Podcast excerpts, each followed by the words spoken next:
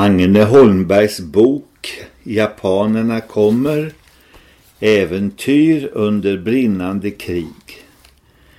Förlaget Philadelphia 1945 Kapitel 5 Förberedelser för flykten. Tisdagen den 12 maj beslöt jag att uppsöka mina vänner Andersson för att med dem rådgöra om läget. Efter de vanliga morgonsysslorna i hemmet begav jag mig så åstad vid tiotiden på förmiddagen. Jag uppmanade portvakten att hålla porten väl stängd och tog min junanesiska rotting som jag brukade ha med till försvar mot kinesernas många arga hundar. Luften var frisk och varm och bortsett från de oroliga förhållandena var det en härlig försommardag. Det skällde till i de lansettlika bambubladen när en vindil blåste fram. Den lilla floden flöt så lugnt och stilla över slätten och låg som ett silverband nedanför mina fötter. Det var så ovanligt tyst och fridfullt denna dag. Inga kineskvinnor kom bärande på sina stora bränslebördor. Inga barn drev boskapen på bete. Inga flickor eller pojkar var på väg till eller från skolan. Trakten tycktes vara folktom så när som på en trupp japanska soldater som höll vakt vid bron som jag måste passera. Jag såg dem redan på avstånd men fäste inte stort avseende vid dem. Jag hade ju förut mött japanerna och fått passera. Det skulle väl gå lika bra den här gången. Med frejdigt mod promenerade jag därför på och svängde obekymrat med käppen. Just när jag kom upp på bron rusade fyra, fem soldater fram och grep mig. Ivrigt undersökte de mina fickor och strödde deras innehåll runt om på gatan. Där låg min kam, mina nycklar, min börs, min näsduk, min nagelpetare, min penna och så vidare kastade utan hänsyn på marken. Några vapen fann de emellertid inte. Det enda som kunde likna ett vapen var min kraftiga käpp. Den ville också en av soldaterna ta ifrån mig. Just då kom ett visst okynn över mig och jag ville på ett försiktigt sätt driva ett slag med de goda gossarna. Därför höll jag fast i käppen och fick ett utmärkt tag i kryckan. Japanen fattade tag i andra ändan och började slita och dra. Men jag höll fast så mycket jag förmådde. Det hela utvecklade sig till en segsliten envikskamp. Till slut blev tydligen soldaten förbittrad och lyfte ena foten för att sparka till mig på handen. I samma stund släppte jag plötsligt mitt tag och japanen tumlade baklänges och var nära att falla i floden som flöt fram omedelbart bakom honom. Hans ögon riktigt glödde av hat och ilska när han kom på benen igen. Jag log i mitt hjärta över det lilla spratt som jag lyckats spela honom men till det yttre visade jag naturligtvis ingenting. Då jag hade framför mig ett tjogtal till tänderna beväpnade soldater insåg jag naturligtvis det hopplösa i att göra motstånd och lät dem göra med mig vad de fann för gott.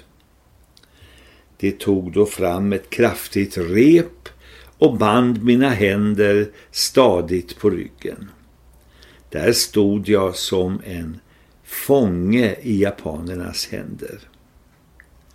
Många egendomliga tankar for i den stunden genom mig. Jag hade någon dag tidigare haft en föraning då det kom för mig att jag blev tagen till fånga av japanerna och under lång tid fick följa med dem som tolk och vägvisare i Junnan. Där jag nu stod med bakbundna händer tänkte jag, ja det här börjar just vackert. Nu kommer uppfyllelsen av den där drömmen. Så gott sig göra lät försökte jag tala om för japanerna vem jag var. Jag försökte både med kinesiska och engelska men utan större framgång. Visserligen var det några av dem som förstod några ord engelska men knappast tillräckligt för att fatta vad jag sade. Med en nick med huvudet visade jag då på min passbok som låg där bland de andra småsakerna på gatan. Befälhavaren förstod tydligen åtbörden och tog upp den och synade den noga utan att dock bli mycket klokare. Han tycktes emellertid ändra uppfattning på något sätt, ty han beordrade sina män att lösa upp repet om mina händer och lät istället fästa det omkring min ena arm och band mig vid ett stort och grovt bord som stod utanför ett hus. Och där fick jag stå som en bandhund utanför en stuga. Jag hade nu ett gott tillfälle att betrakta japanerna och deras förehavanden. Det var överlag kraftiga och välbyggda karar. Ingen var direkt stor men de gav alla ett intryck av fysisk styrka och träning. Deras utrustning var den bästa tänkbara. De hade moderna vapen och även maskingevär. De långa bajonetterna lyste blanka och skräckenjagande på gevären. På deras ränslar satt präktiga gummiskor med tudelad tåhätta, vilket mycket väl behövdes i dessa av långvariga regn hemsökta trakter. Kläderna i övrigt såg ut att vara av gott tyg. För tillfället var soldaterna sysselsatta med att koka mat i sina kokkärl. De pratade och skämtade med varandra, allt under det de satt på huk vid elden. Befälhavaren kom fram till mig och visade en officersvärja som han hade tagit från en besegrad engelsk officer under striderna i Burma. Ett stolt leende spred sig över hans ansikte när han visade mig den smäckra värjan och han lät mig till och med ta den i min hand. När jag betraktat och beundrat den tog han den tillbaka och stötte den med kraft i en stolpe så det sjöng i värjans stål.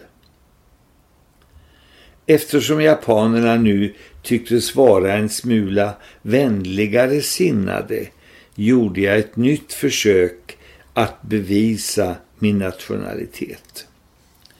På min begäran tog man fram min plånbok där jag förvarade en liten svensk sidenflagga som min syster en gång sytt åt mig och mitt visitkort på kinesiska och engelska. Inför de blågula färgerna tycktes japanerna stå fullkomligt frågande. Men mitt visitkort bidrog kanske till att klargöra för dem vem jag var.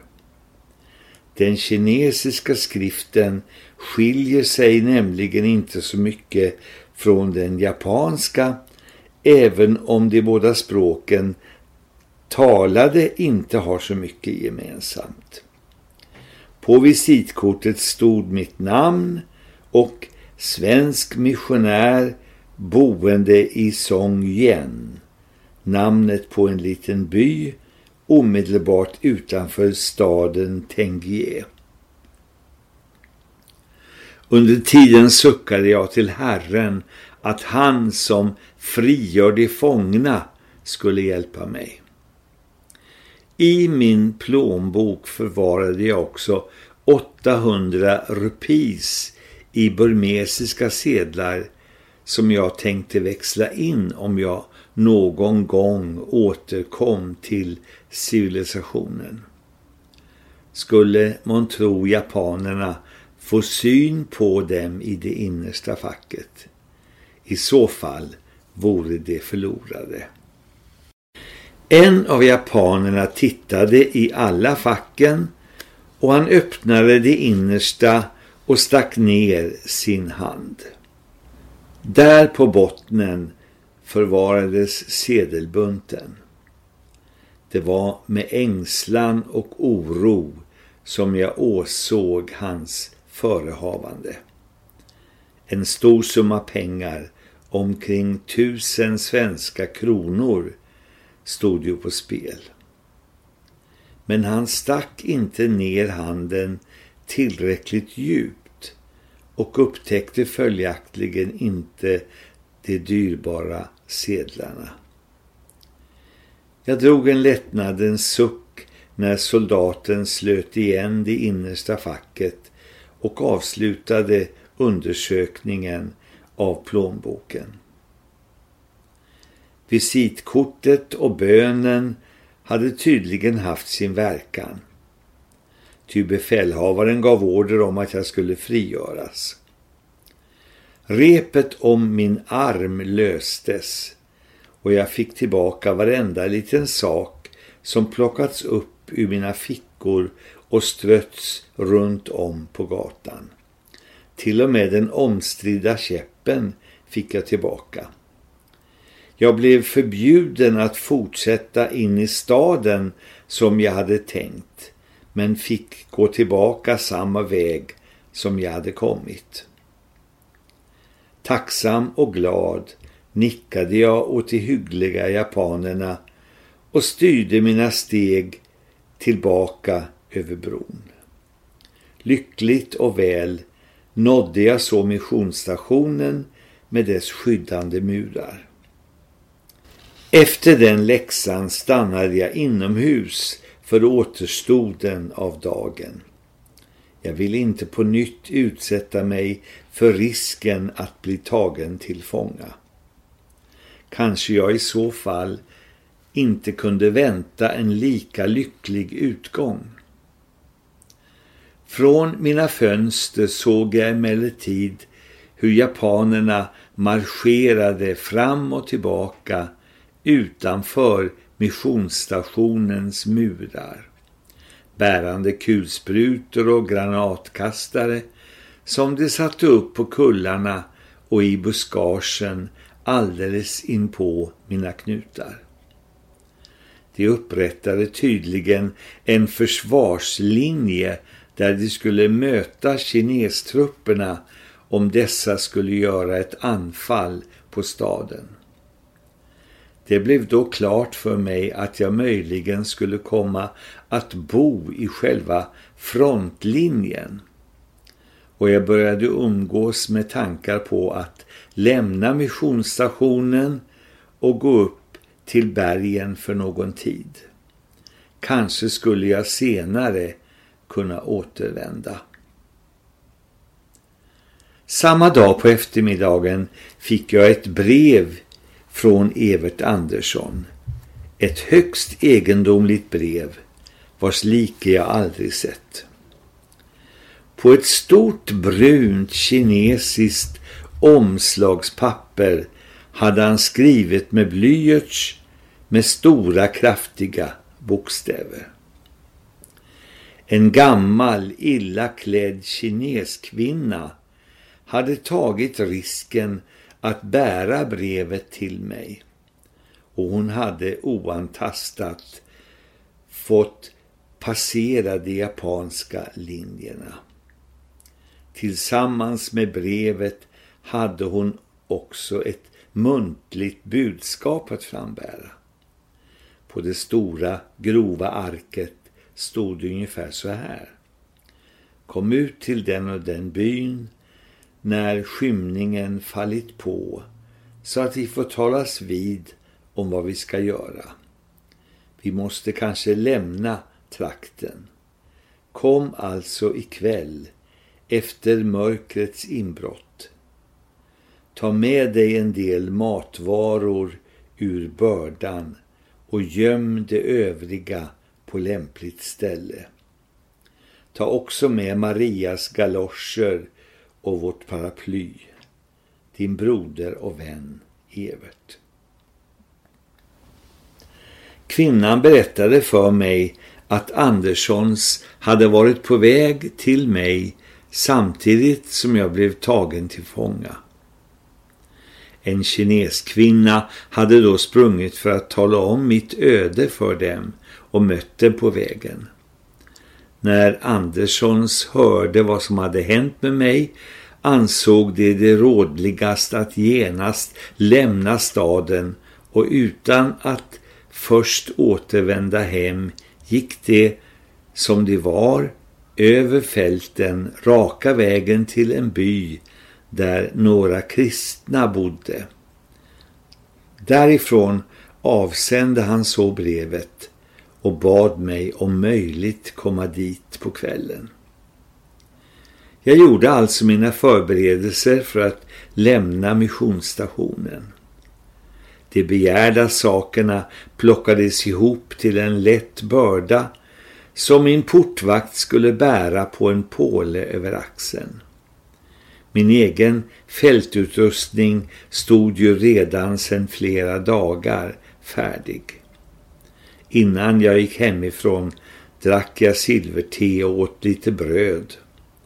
En god tårta och några kakor ställde jag fram på bordet för att japanerna skulle ha något att börja med när de sedan trängde in i mitt hus. Det började skymma och jag stod färdig att göra ett försök att komma igenom japanernas bevakningslinje. Skulle jag lyckas?